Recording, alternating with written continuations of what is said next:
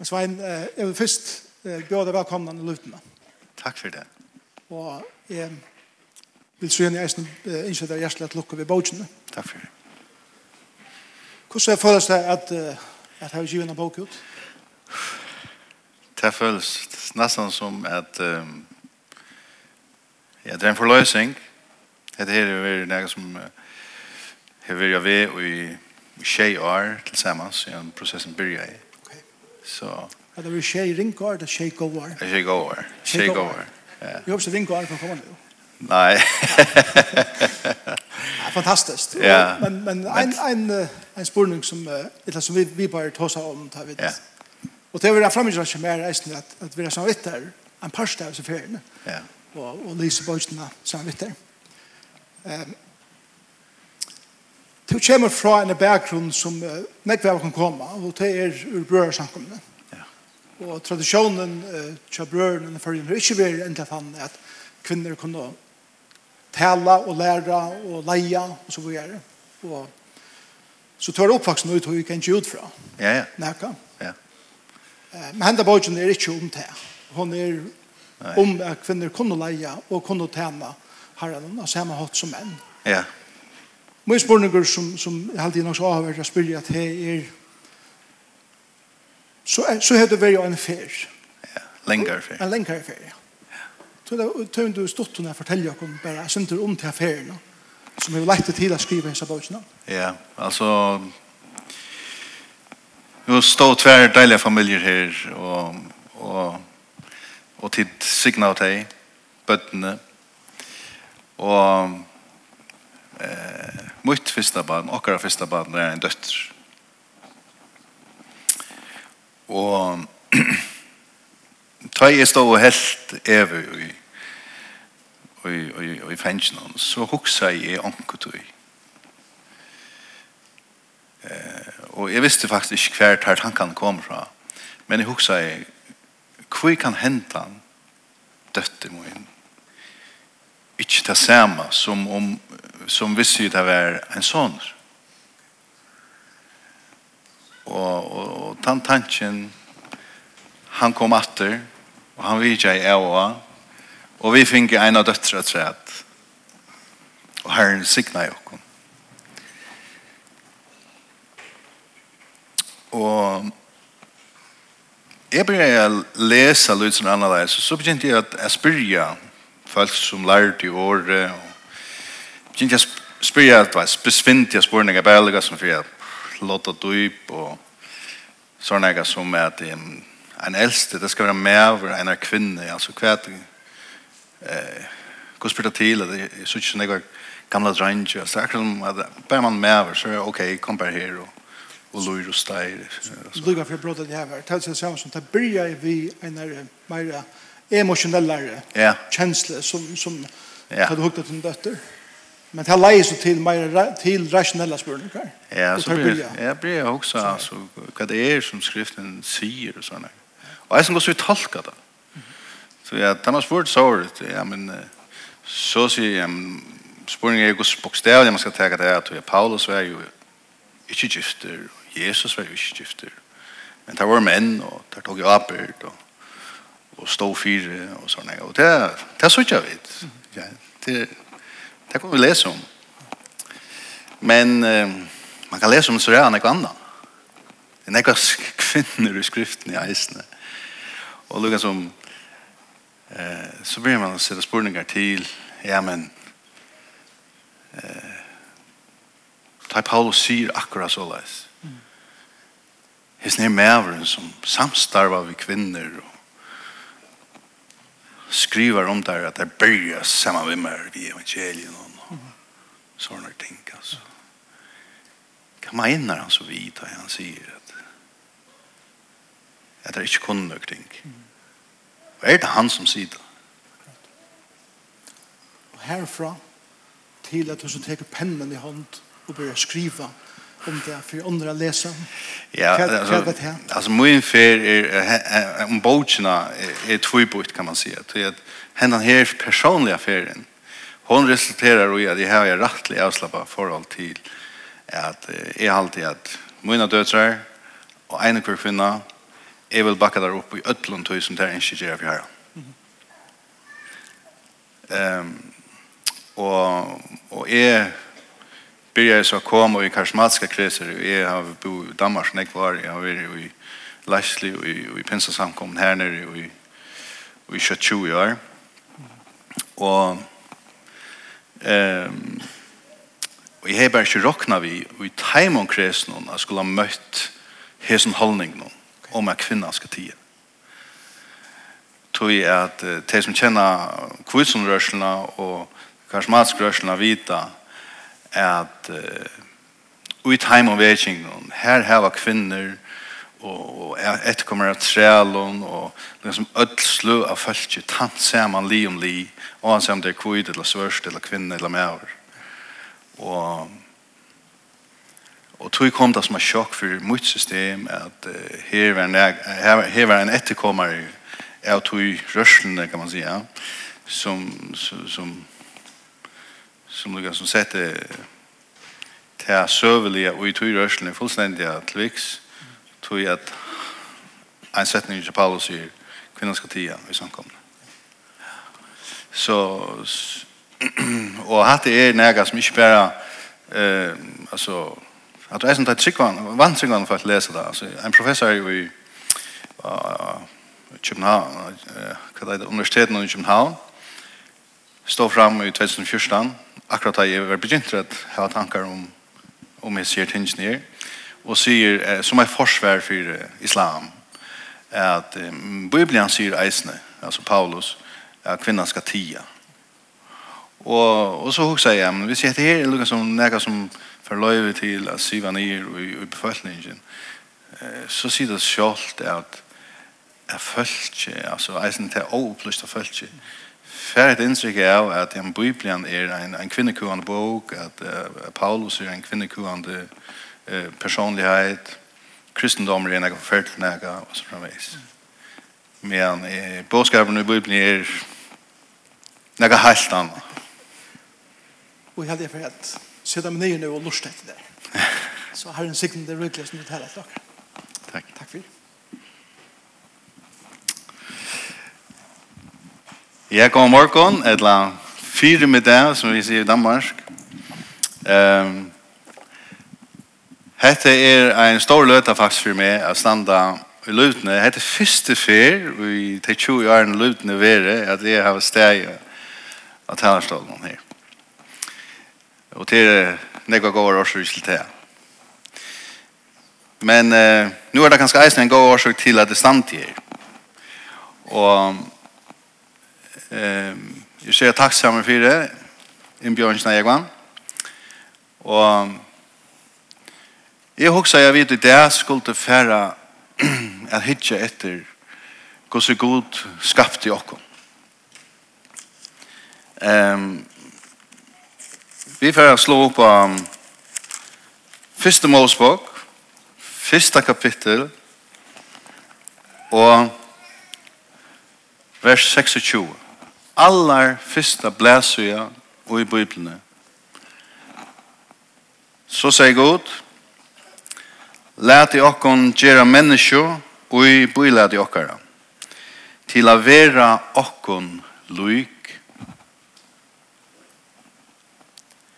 Hon skal råa i fisknon, i sjånon, fuklnon under himle, i fænon og iver allar hjørne og öllon skryturen og i hjørne skruja.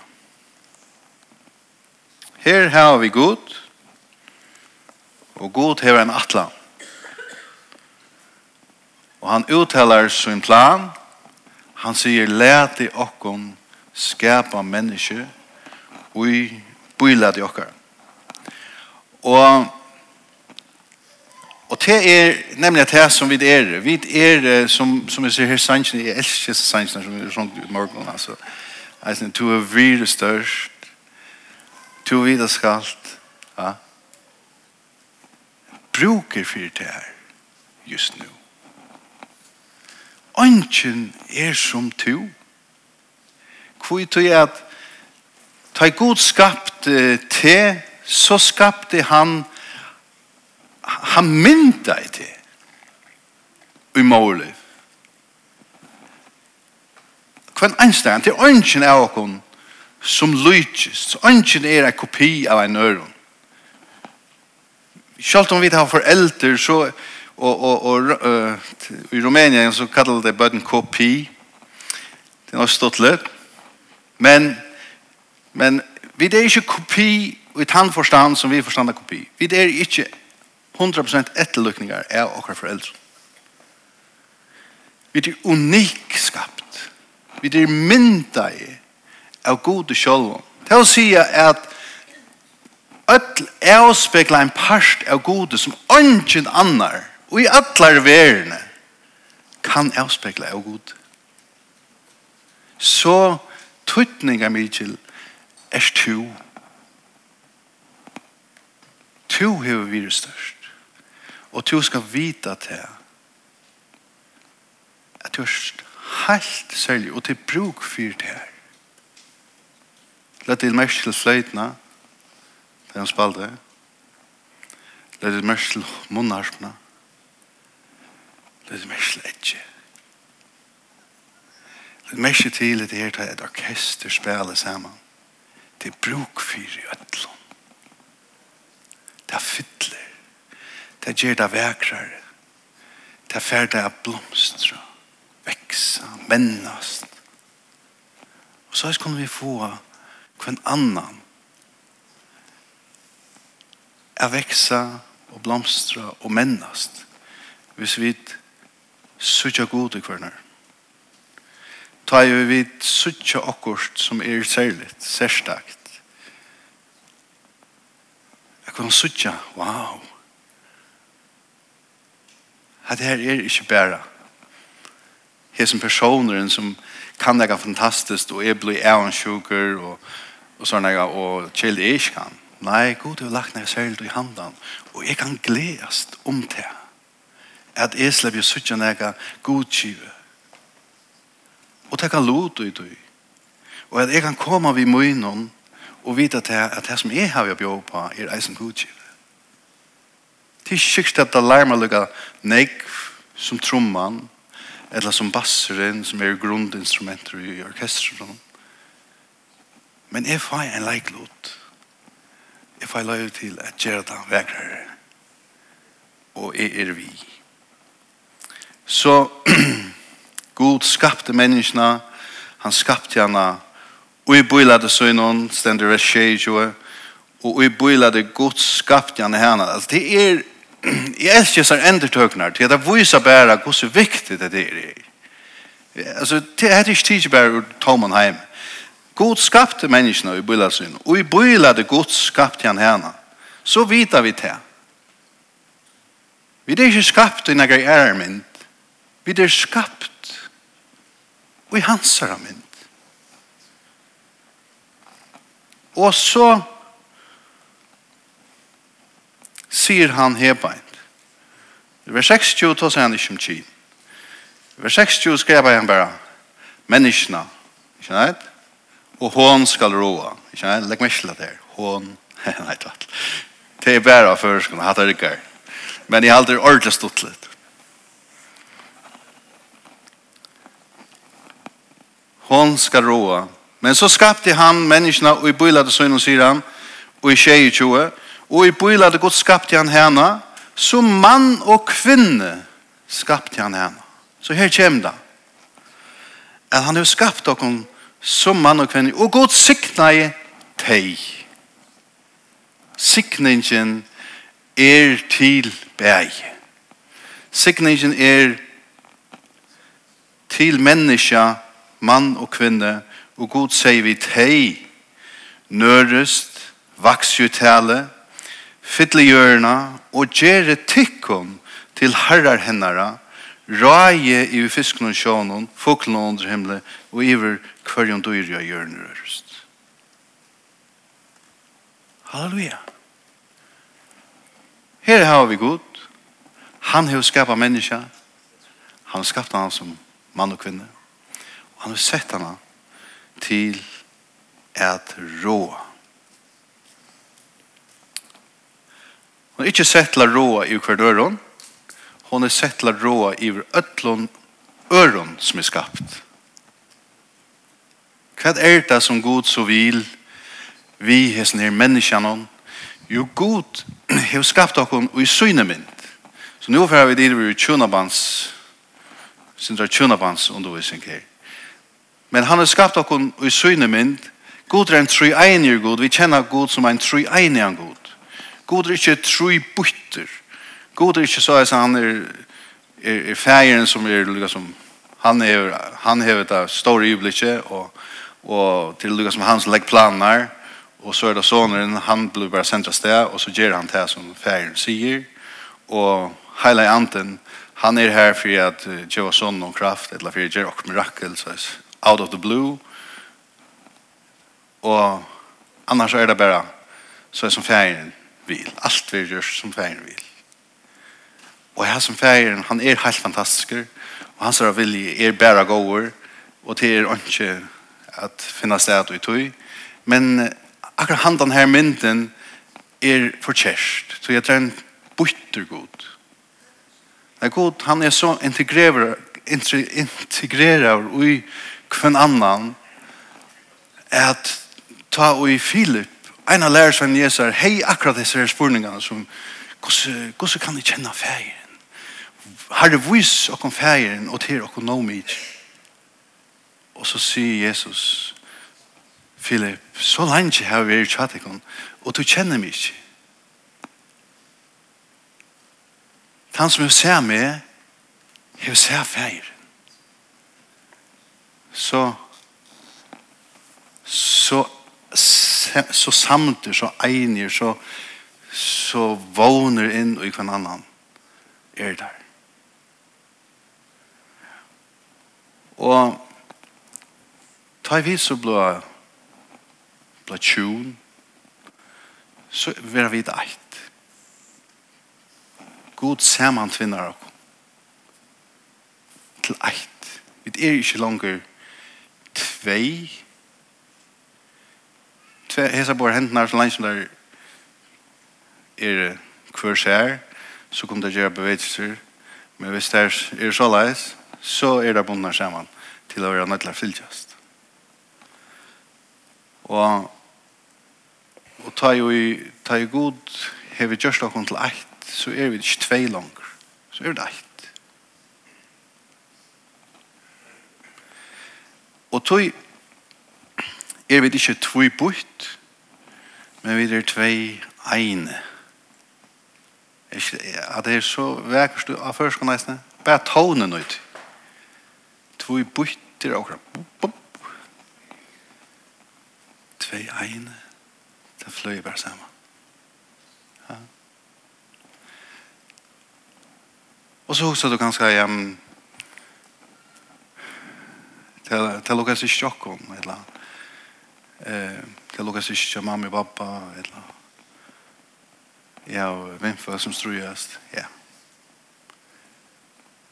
det är det är löve som händer vi er jo i Hesnheim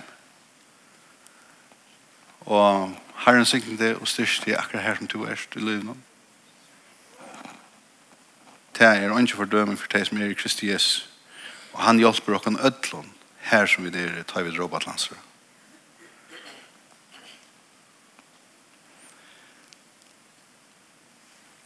Men enn vær ikke menneske av hjørne. Selv om det stender her, han er skapet oss. Han har en plan, og så stender det at han er skapt oss. Men enn vær ikke menneske av hjørne. Men god det stender om han i neste kapittel, så kapittel 2, da teker god en klump av hjørne, og han myntar Adam ur hjørne.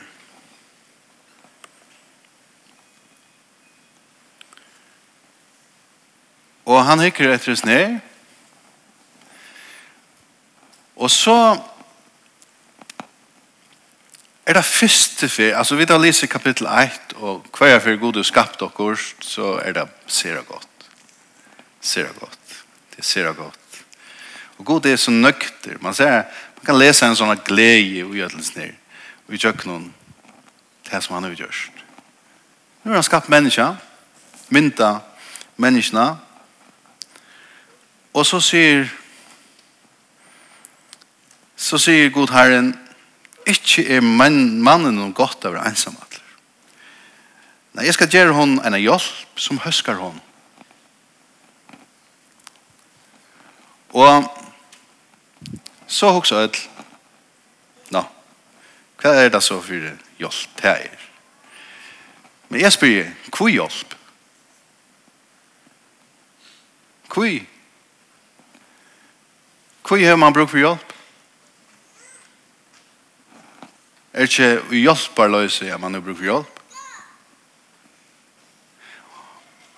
Um, Matthew Henry, som skriver størst kommentatorversk, han, han sier at det var godt at Gud, han tok ur skyene av Adam, ikke ur høtten noen, så jeg sa at hon skulle rå i henne, heldre ikke ur foten noen, så, så hon skulle være hans fototrakk, men ur skyene, så hon kunne svære til hans at hon kunne komme opp at li hans her.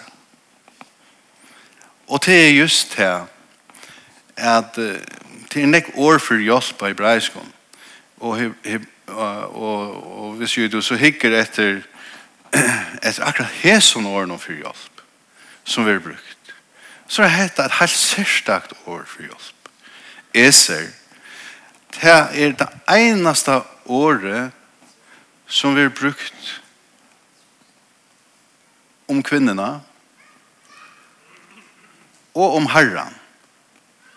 Inte om något annat. Det är inte så att det är kvalificerat i jöknen att det god herren är Israels hjälp at god Herren er hjelp menneskene. Og, og til han hjelpen som god seter mannen sammen vi. Så det er helt fantastisk kvalifikasjon av hesen årene her.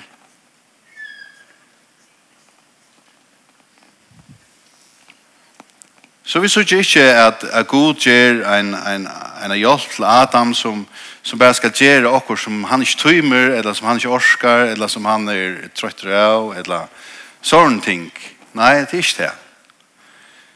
Det er at uh, de kommer sammen, og de har et felagsprosjekt. De har nekva gjøre. Det stender her nørest vaks i tali og fytle hjørna og gjør det kun til herrar hennar. Her er massar at jeg kan fatte på. Og, og så leis er det alltid verre. Men ikke er vesen her stidlar kvinna verre enn mannen. Nei, de skulle finne det, og hvordan skjer det innrettet det? Hvordan skjer de det og, og, og røtja det som god hever litt i åkken opp i hender, nemlig alt skaper av verset. Men så kommer synden inn. Så kommer synden inn. God har sagt at her er et tre og jeg er orsaker noen som til ikke må ete av. Alt andre tre, tusen av oss sikkert, kunne til ete av, men her er et tre som til ikke må ete av. Og djevelen lette sånn at til tætreie for å få til ete av hos nere tre noen. Til å det bære av det. Nå, det er en konsekvenser av tog, og den konsekvenseren kjenner vi fra, fra 1. Mosebok kapitel 3, vers 16, middelen 16 er her, han taler vi kvinnerna, og det er det som er aller mest kjent, tog det ikke bare til fram. Vi kvinnerna säger han, jag ska lete till loja stora trångt, ta det över bad, baden, vi pojnen skal ta eie bød, Men til mann tog skal tra til vera, och han skal rå i det här. Og til særlig har den aller sørste setningen, han skal rå i det her, som stender som iverskrift iver alle heimsøvna, lykka fra syndafallen og til i det. Så sier det, ho, ho, vi tar ikke nøyre kvinnekuan i fyrjon. Nei, vi bygger vi en øyelig privilegera om hjørne av heimna. Men det er millioner og 8 millioner av kvinnon som lyja under kvinnekuan det og daglige vi er snøy kvinnekuan het her er mævren skal råa i vitt her er ikkje ein lov som godkjem het her er en konsekvenser het er en, het er en urskur het er en domer og til moner en er lov og en dome. Loven er at jeg ikke skulle gjøre trene, og at hvis jeg ikke ådde trene, så skulle de dødja. Og dette her er Hette her urskoren er at mævren sier han ved kvinnerna. Han sier det ikke ved mannen. Han sier det ved kvinnerna. Mævren kommer og rå i ut her. Han sier ikke så vi mannen. Han säger ju mannen, jeg är nå så nu tog nog når det var brøtt. Du skal du kua kvinna. Du skal du rå i kvinna. Nei. God er ikke och åkken på om å rå i kvinna. Det hör han alls ikke. Men vi kommer bare slett slida över. Vi blir provokerade til det. Og så tenker vi og sier hver skap ska stanna i kvörst. Lukas da. Jeg hørte om en, en, en sier at han har, jeg har haft en framløy inn i Estrøytene. Så sier, så sier at han har, så sier, sier det vi er på så sier han, hva sier du med det? Ja, jeg vet ikke, det er sikkert når jeg går i snir. Man pleier å si i gamle dagen, far bestemmer, mor ombestemmer. Ja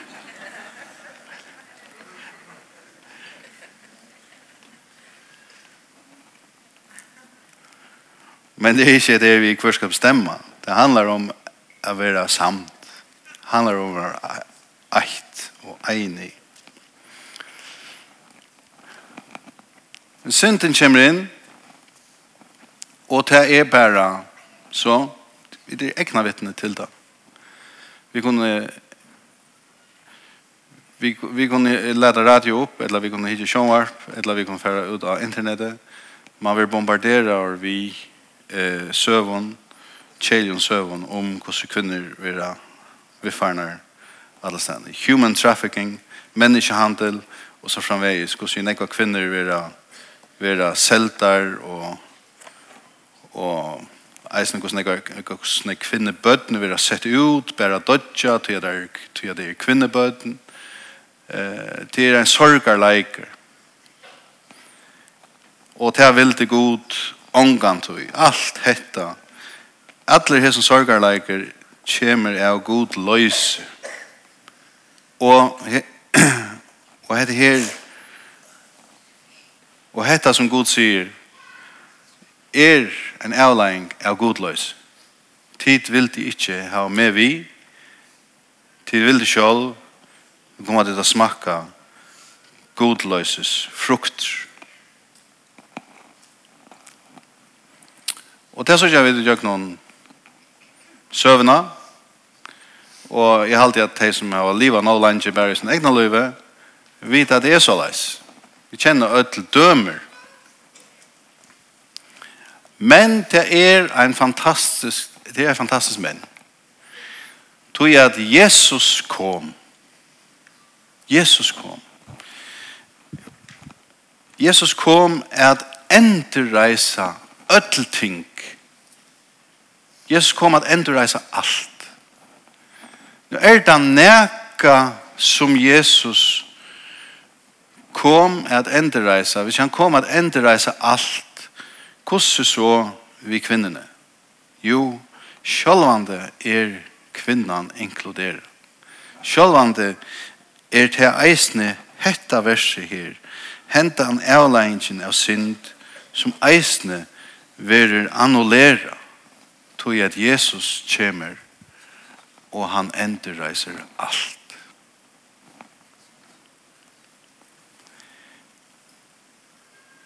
Ta og ta Jesus kom så så levde han jo ett ett ett liv ett ja han blev 30 tre år gammal och det å si, han levde et, et manndomsliv her og gjør. Han var en, en, en, en ung rabbi, eh, men han var en, en kontroversiell rabbi i sin samtid. Og han blev kjenter i landen, og, og alle stedene her som han kom, her flokka oss folk. Og nek var kvinner flokka oss deisen. Han var om nekar vær, en, en kvinneviner.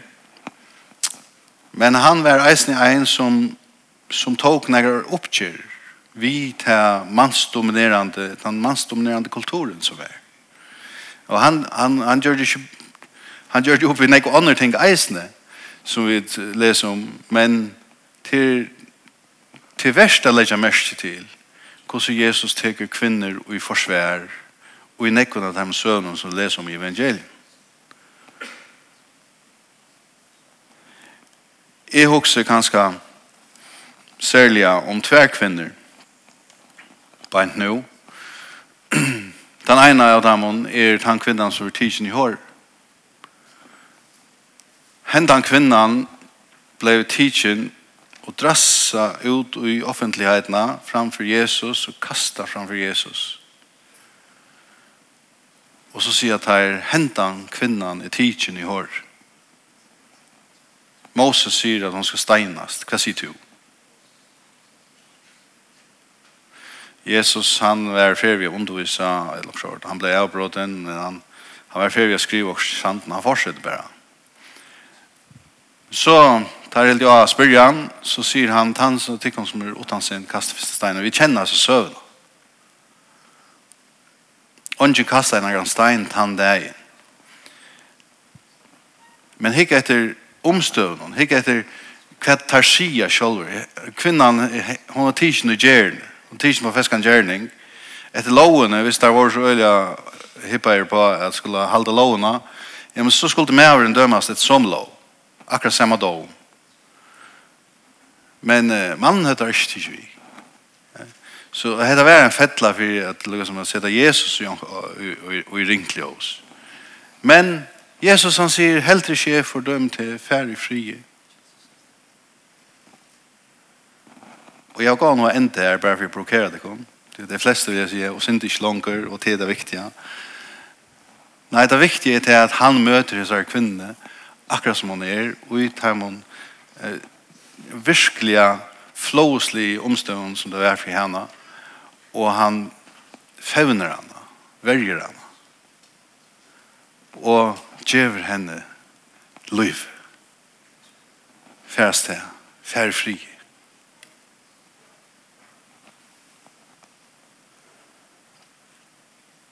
Han kunde gjøre det, han betalte prøysen for alle synder. Han var ved nina Golgata. Jeg betaler prøysen eisene for henne sin. Jeg helt sjøva er om ta Jesus er inne tja, kommer inn til Marte og Marie i Betania. Han kom nek her, og Og Marsta, hon, hon er alltid gesta bløy og teger motor og, og her er et rom hver tag hon sida og i frie, og Jesus kan undervisa, og, og så er Marsta håndstakast. Men knappt ja, så er Maria vekk, og Marsta håndstender, og hva blir Maria, og hva blir Maria. Enten opp det at hon sitter i stålen og sier, yes.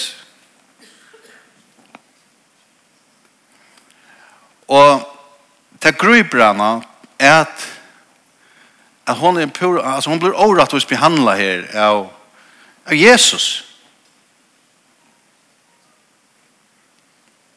Hun fyrir til Marie og sier, Maria, kom og lukke hjelp meg. Hun fyrir til Jesus. Hun er kontant enn alle damen er. Hun fyrir beinleis, sier Jesus, skal jeg efnega? Nu må jeg si Maria at hun skal komme ut og hjelpe meg.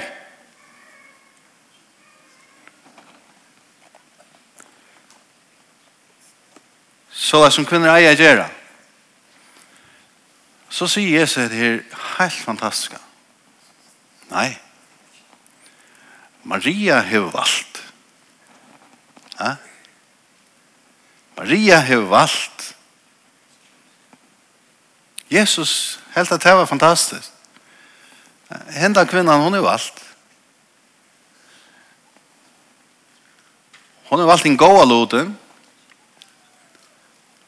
Og han skal ikke være fra henne tidsen. Så Jesus han sier nei til at uh, han ger upp vi eisnet han, hva som man sier, så fordommene er som Marsta, eller som nekka kvinner sikkert, eisen i Iselstøven, eller Jesus er døven, høtte om ta rollefordeling som noe ene for Så Jesus sier nei til, dette her er ikke onaturlig at en kvinne kan sitte vi, vi fødsler av mer og, og, og, og lære. Nei, dette her må vi gjerne innføre. Dette her, dette er bare, dette er bare den første av mange. Hun er valgt. Hva vil du? Jesus fyr ikke å standa der mot, ta i to veler.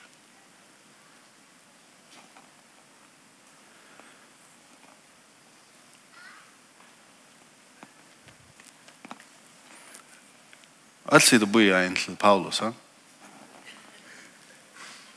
Kvært vi Paulus.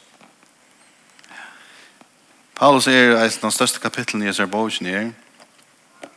Og vi kunne ikke komme utenom Paulus. Vi skulle helst ikke komme utenom Paulus. Og det som halte til at alt det som Paulus skriver i noen forfølgelig fjes, det tar fullstendig feil. Og det er ikke på den måten at jeg vidtjer Paulus helt. Det er tøtninger meg ikke det som Paulus har skrivet, og til men det er bare at tøtning med ikke skilje det rett. Um, Jesus setter en øyelig viktig hans spørning, og i sin er tjeneste, og han setter hans spørning til en lovkønne. Han sier, hvordan leser du? Hvordan leser du? Det er helt givet at da Jesus refser der skriftkloge farseerne og tar lovkøene, og han sier at tid vittlast ut kjenner ikke skriftene, så tåser han ikke ved menn som ikke kjenner skriftene, som om at de ikke kjenner teksten. Men de kjenner ikke skriftene, de skiljer ikke hva det dreier seg om. De tolker det for kjært, og de vittlast, og de fører ånder vittleisene. Vi er gjerne det. Og tog jeg her vidt eisen en åpert å til Guds år vi eimukt og vi hjelp heila i andans og bygge herran om å hjelpe oss å skilje til. Jeg hørte at du sens i, i der eit hver der fortalte om at uh, det var et brevaskifte, et hundre år gammalt brevaskifte, uh, Taimon Donskon, kulturpersonligheten som, som var leistiv, som ble allmannen kunngjørst, og lagt fram og omkring av sånne her statslige institusjoner. Og hette var bra å skifte om tvær vimmen. Den ene han uh, var flyttet til Norra, og tog hette har hatt et bra å skifte. Uh, og i en av drikva tog, og hette var ser av å være bra å skifte. som hei kusur kulturella av Men så, så hoksa jeg bare ta i det tåsa om det her vi eh, vi at at skulle spent det var jeg slipper switcha da, og, og så tosa sig ekspertene om att hade nog för å lese da, eh hvordan hur skulle man så fære til dette? Hvordan skulle man skilja det Hetta var jo hundre år gammel brøv. Og kulturen var en helt annar i Danmark da. Og malet var eisne annerledes da. Og, og der høyde sikkert, der kjente hver annan, så det var sikkert eisen ting som var underforsteg, som der høyde skriva til hver annan. Så det var ganske ikke alt som var lukka latt å skilje. Så hun sier, det hadde fantastisk respekt for Jesus brevavskiften. At man hugsa jo om kulturen som der tås av utfra, og som der levde jo i hver hundra år gammal. At malet var et annet, det er jo sånn det brøtt seg i de hundra årene. Mm Og det er faktum at jeg kjente hver annan, og det er ganske søtte ting vi hver annan som, som, som, som tar skilt innbyrdes, men som vi ganske slett ikke skilte, eller ganske misskilte, og så framveis. Og det samme kan være galdande, tar vi færa til en 2000 år gammal tekst, ikke en førskan tekst, men en gresskan tekst, en er mentan som er øyla lengt borte fra okkom. Ikke en førsk mentan som vi kjenner fra kvævnån eller nega sort, men en gresk mentan.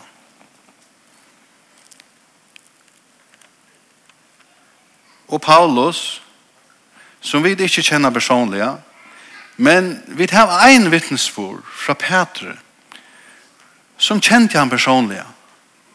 Og Peter, han sier, Og i 17. Petsbrevet, kapittel 3, sier han det her. Ta i tiden og elska om mine vanta hetta, så leit ikke eina vi a finnast lutaleis og ålastande for jona, hetta at vi vanta Jesu at komme. Og i frie. Og råkne lengt må harra okkara for frelse, Hetta er det som elskar i bror okkara Paulus, hever skriva tikkon etter visdomen i hånden i given, Det gjør han eisen i øtlom brøven søgnen, ta han i taimon talar om hetta.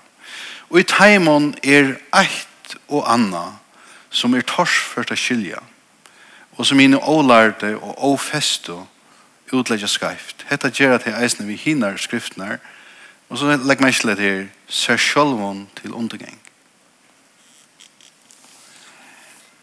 Nå, hette er, hette er, hette er viktig, hette er viktig til lukka som At her har vi bækhøyt noen om kjanna. Peter kjente Paulus. Han kjente han inngengande. Han hei følt svian av å kjenne Paulus. Eisene. Da han var kom på tvers av han. Han visste hos Paulus var. Han visste hos Paulus tala i. Han visste, han kjente han han hel helt sikkert reisende lyser jo at disse brøvene, så nek som han og en av var kommet i kontakt med. Men så sier han at her eit og han har skriva imes som er tors først er skilja. Så det er tors først er skilja. Hvis det er tors først for Petra er skilja da, hvis det er tors først for samtøyna ikke Paulus er skilja da, ja, men så skilta vi eisne okkon sjolvun at færa løsende varliga til verska. Ja? I minst alle. Paulus var trubor. Paulus virka jo i Grikkaland. Paulus var ikke en trubor i, i, middel, i Israels lande. Han var i en fremmande kultur. Negativ som han opplevde uh, var pura fremmant for lovene. Tog sier han eisen i fyra Korintbrev, og Korintbrev er så rukt på informasjon, innsikt, tar vi et tar vi et som er sier tingene.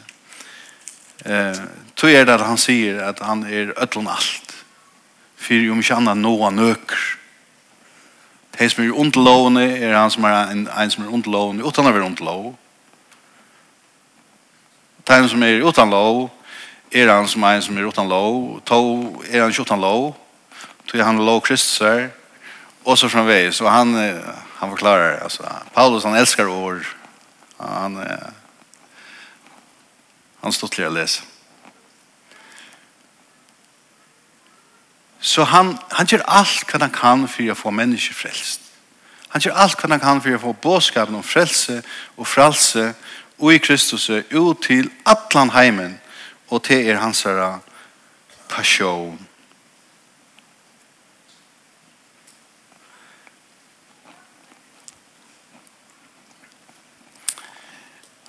Ja, men hva gjør vi med Paulus? Det er Paulus er apostel, og her stand David, og jeg stand her er bare en bibelig. En bibelig.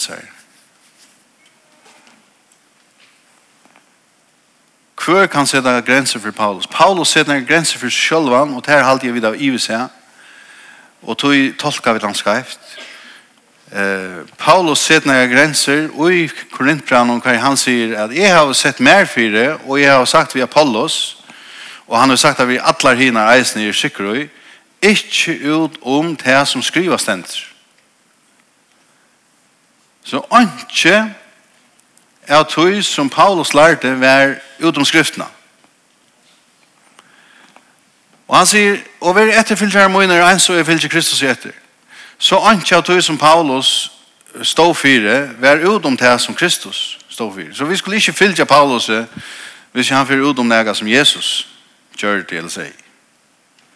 Vi er etterfylgjere møyner, så som er fylgjere Kristus etter. Så Paulus setter seg selv under mørk, skriften og Kristus. Men alt gjør jeg for evangeliumsskuld, sier han så, allugavel.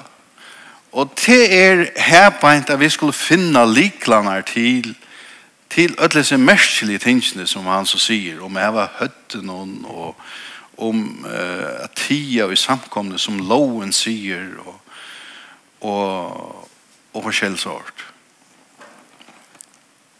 Og jeg kom inn og alle hans tingene rettelig drutt, så de som virkelig vil jeg se det som nøyda, de kunne lese bøkene. Men det som er viktig for meg er å si at Paulus, han, han kom til Grekland. Jeg vet ikke, hvis vi skulle beskrive Grekland i det, så som det er vær av Paulus er døven, så lykkes det ikke Grekland som det er det. Vi der er det solstrand, og du veist, vi til ett lekkert land å komme til, og folk liva, lukka som vid liva, og, eh, men det er slett ikke det. Det var som å komme til Afghanistan.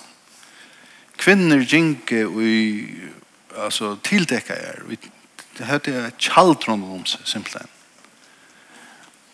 Og, og så det var loven Og i tog landen som sier at her skulle kvinner gjøre. Det var det var åken tjatt her av mannen, og tog skuld det her ikke suttjast av øre mannen, enn sin, sin egen familie. Så lukas kjøst her for utgjøren horna, så høyde det her lukas som telt jo man i seg, eller, altså, og grunnen til å kalla det telt, det er ikke forhandelslige, så ble det kattla tog at det var lukket som at de, de skulle være i husen, og de hørte til huset, og, og det her, det her teltet som de så hørte noen om seg, det tok de visst seg ut, tog jeg, så, så var det stadigvæk i husen, men det var lukket som, å tildekket jeg, og han kunne sitte der, men det kunne stadigvæk komme ut og handla og få, få gjørst det som det er noe skuldt eller vi ikke ankra, ankra venninti, eller hva det er, høyt bruk for. så Paulus, han var, eh, det var ikke han som fann opp på en regel, at nå skulle vi for at jeg var høtt noen. Og pynt dere vi i hatten, og det er det. Det er aldri man, det må man sagt han styrer, slik det. Men det er ikke noen regel som Paulus kommer i. Paulus han endte ikke bare noen lover som vårer og i Korint. Så man kan si at her, hvis vi vet kjer at hetlein er lov for okkom, så importerar vi reinan hegenskap. Fyra, fyra sida rattliga, fyra, altså, ta, ta sida. Skilta et sida søys. Vi verlegan er det det. Paulus sier i 4 Korintbrev kapitel 11 så sier han at kvinnan byr eller profiterer skal han heva av høttene. Og, eh, og hette var fyrir at, at hun ikke skulle gjøre altså mannen hon när han orat eller skom hon, hon skulle hon skulle liksom vara i husen hon stadväck hon, hon skulle visa till att hon hörde till sin man Kjolt om hon ber och kjolt om hon profiterar i. Men, men Paulus han gjør henne løyve til, selv om hun er ui ødelnes nær at, at, at ta hun byr og profiterer, ja, men så, så hever hun høtt noen for at hun kan vise respekt for mannen. Og eisne fyrir er at, at ikke skulle komme en jøsner inn som, som uh, lurer etter fralsen som de hava og så, og så, og så skulle de komme under forfylking. og nei, var forfylking forfylging var nok av. Så, så Paulus manrerar ui ødlens ned, og han, han finner en ve at breie ut evangeliet, hver i ødl kunne være vi, eisne kvinner. Nå tar han hever givet løyve, eller ikke han er ikke løyve, men han er oppmuntret kvinner til å bi og profetere her i kapittel 11. Så leser vi, trodde kapittel langt fram, kapittel 14. Her stender knappt ja, kvinnan skal tia i samkom. Så lest som loven eisne sier. Og hva jeg er takknemlig i fire, at det stender som loven eisne sier. Tog hva er det for en lov?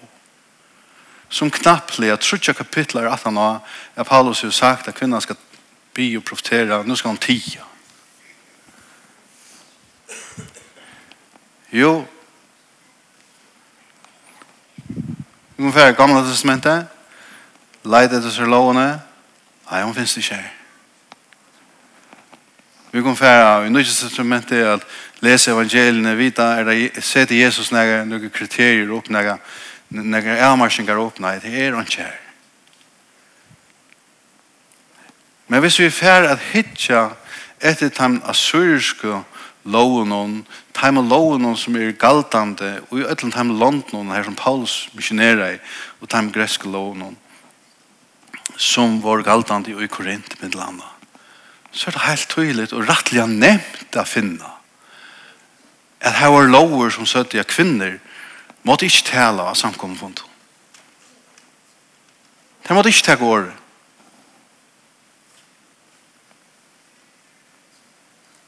Det er det som Paulus nevner. Og han setter faktisk opp i måte til ordan som annars er hver god, hver god er god friar. Og hver det er lukka som frivillighet som drever verskje og hver det er eimjogleitje som drever verskje og atre måter at her er en lov som sier som tvinkar nekra nir i rokken som ikke er godt. Så såleis trygg vi er at Paulus manrerar ui hesen kulturen fyrir jeg få, fyrir jeg få evangeliet er vera smitet. Han sier vi handfæra ikkje evangeliet oærlige. Men han rønte at få ting a fungera Han sier, hvis jo nå vi får som tro på her, Løvden sendte meg og jeg kvann sted til å være tro på her i Afghanistan. Hvordan heit det ser ut? Hva var bådskaperen til okken, til det samkomna som, som, som tar vi prætik evangeliet? Jo, at vi tar prætik evangeliet om det at Jesus kom og han har betalt prøysen for alla synder. Han er kommet for at enderreisa alt det som er færgæle vegna synd. Hatt vi så sagt er at nu er tog på at jeg tykker kvinnon at teka hese her kladningarna og køyra ter skrellspanna. Vi gjør som te vi berua, te kommer vi bokom, men vi teka alle disse kladningarna og gjør det størst på Og så Nei, det har du ikke funnet hva gjørst. Det eneste som det er til det er at når godløse menn har du sagt at det er forferdelig. Det er, det er oppreister mot til ordan som vi hava. Vi er nødt til å gjøre av i disse mennene. Vi er nødt til å gjøre av i alle disse kvinner som fylkes med Det er det eneste som man har gjort nå. Nei, hvis vi tar til Afghanistan, så hadde vi eisene framveis sagt vi hese kvinner. Jeg er tid livet under noen kjelium kor. Vi vil virkelig at det var annerleis. Men tikkere lover sier at de skulle heva en sånn kladning. Og selv om dette er pura åretvist, så, så er det stadigvæk han loven som er galtande i hesson land. Og for herrans skuld skulle vi være atler menneskjanslige fyrkipan undergivet. Akkurat som Paulus sier, og Peter, her som det kom. Og så hørte vi ferdig og snakket med mennene. Så jeg her, her er helt gale i sin kulturen, kjøttet. Kvinnerne vil ikke behandle jeg rett. Kristus hev leist kjep kvinnenar til akkurat samme status som menn til ikke modner av. Og Kristus er ikke modner av om man er, om man er gretje eller gjøte, træler eller fralser, kvinne eller mever. Nei, det er alt leit ved Kristus. Det er alt samme status. Og så hadde vi oppmuntra mennene til å være at, at arbeidsfyrir, at leta dyr oppfyrir hese kvinner.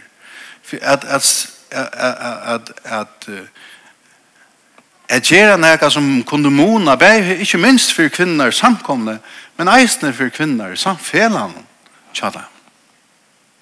Det er det som Herren kallar og til. Og det gjør det Paulus. Paulus let dyr opp. Paulus samstarra over kvinner. Paulus, han var ein ein ein mer som, som kjempa i sama vi kvinnen, og han røste kvinnen, han, han brukte kvinner vi ja, altså, som sin, som sin forsvar altså.